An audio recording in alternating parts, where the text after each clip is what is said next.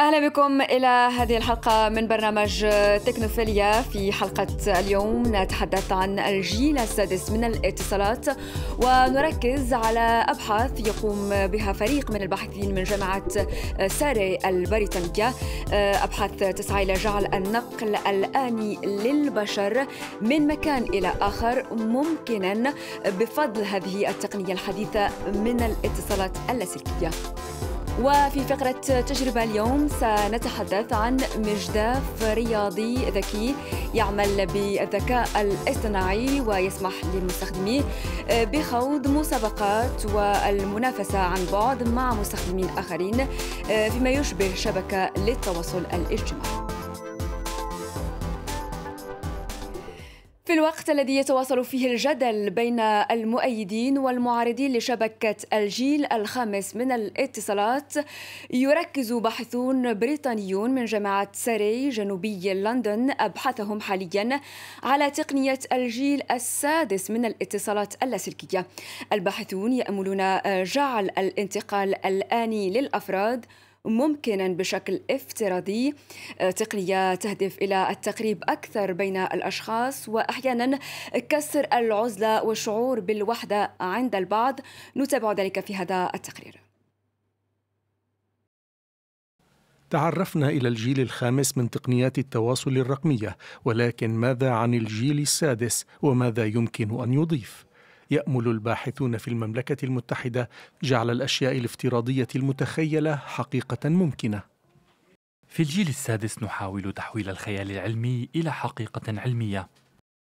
سيستمر طرح أجهزة الجيل الخامس في السنوات القليلة المقبلة ولكن هذا الفريق يعمل على سد الثغرات التقنية التي تواجه مستخدمي تقنيات الجيل الخامس وتفادي مواجهتها مع استخدام الجيل السادس. منذ استخدامنا لتقنية الجيل الأول وصولا إلى الجيل الخامس تمكنا من نقل حاستين فقط من حواس الإنسان وهما الرؤية والسمع. نحاول في الجيل السادس إضافة الحواس البشرية الأخرى وهي اللمس والتذوق والشم. يتطلب فعل ذلك تحقيق تزامن رقمي دقيق جدا عبر شبكة الإنترنت لا يمكن تحقيقه حاليا باستخدام تقنيات الجيل الخامس. يمكننا حاليا نقل واقع افتراضي ثلاثي الأبعاد من جميع الجهات أي بزاوية تصل إلى 360 درجة لأي كائن أو شخص. ولكن ما لا نستطيع فعله باستخدام الجيل الخامس هو التفاعل الكامل الافتراضي بين الأشخاص والأشياء والروبوتات وغير ذلك وهو ما نعمل على تحقيقه في الجيل السادس بإضافة بقية الحواس البشرية. وبالتالي يمكنك افتراضيا التفاعل مع طبيبك وأن يظهر في منزلك. بحيث تستطيع لمسه ومصافحته كما لو كان أمامك في الواقع.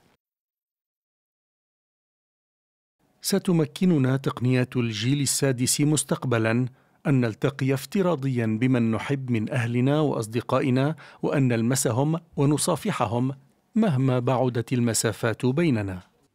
نواصل الآن مع فقرة تجربة.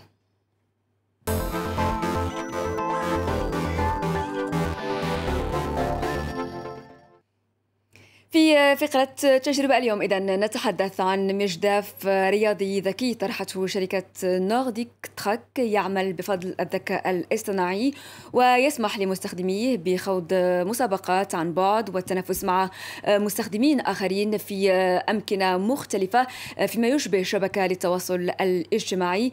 عماد جرب هذا المجداف عماد ما رأيك؟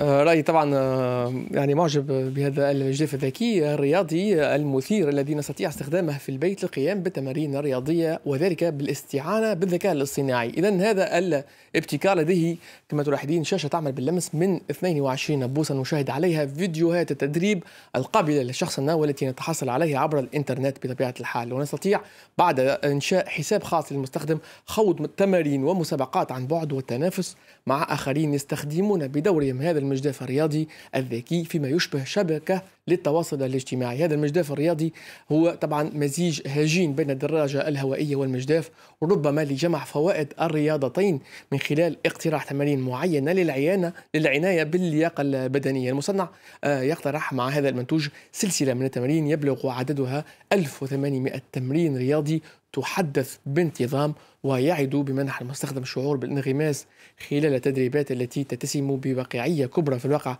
وهو ما لاحظناه حين جربناه. هذا المجداف الذكي ونستطيع تسجيل المشا...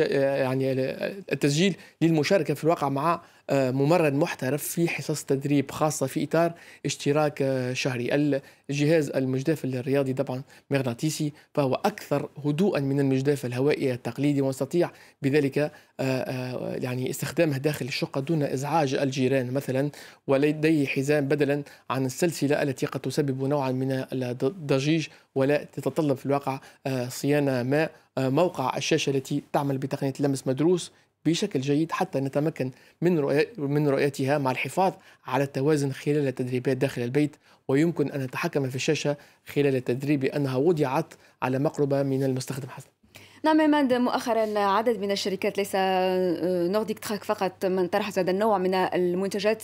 هناك منافسة في هذا المجال هناك توجه نحو هذا النوع من الآلات. بالفعل إذن منافسة آه، يعني حقيقية في هذا المجال. مع منتوج أمريكي آخر يسمى إشلون فيت وهو تقريبا قاعة رياضة كاملة للعناية باللياقة البدنية في البيت. من خلال منصة تضم دراجة تمرين ثابتة وكذلك مجداف رياضي ومرايا وجهاز المشي.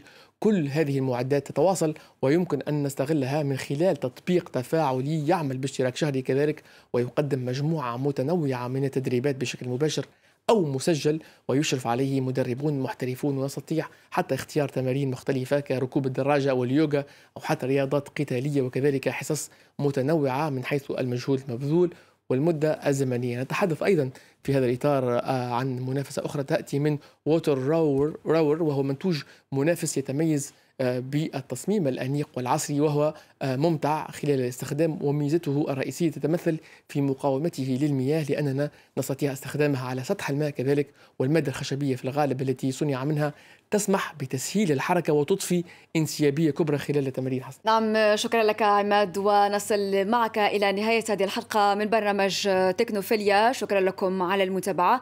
نترككم مع هذه الصور التي تظهر التعاون بين البشر والطائرات من دون طيار في مجال الرسم. باحثون من معهد سكولتك للعلوم والتكنولوجيا في روسيا. طوروا مؤخرا نظاما يعتمد على التفاعلات البشرية مع طائرات من دون طيار. التيار النظام يسمح للمستخدمين آه، بالتحكم مباشرة في حركات آه، طائرات درون آه، حتى في بيئات معقدة.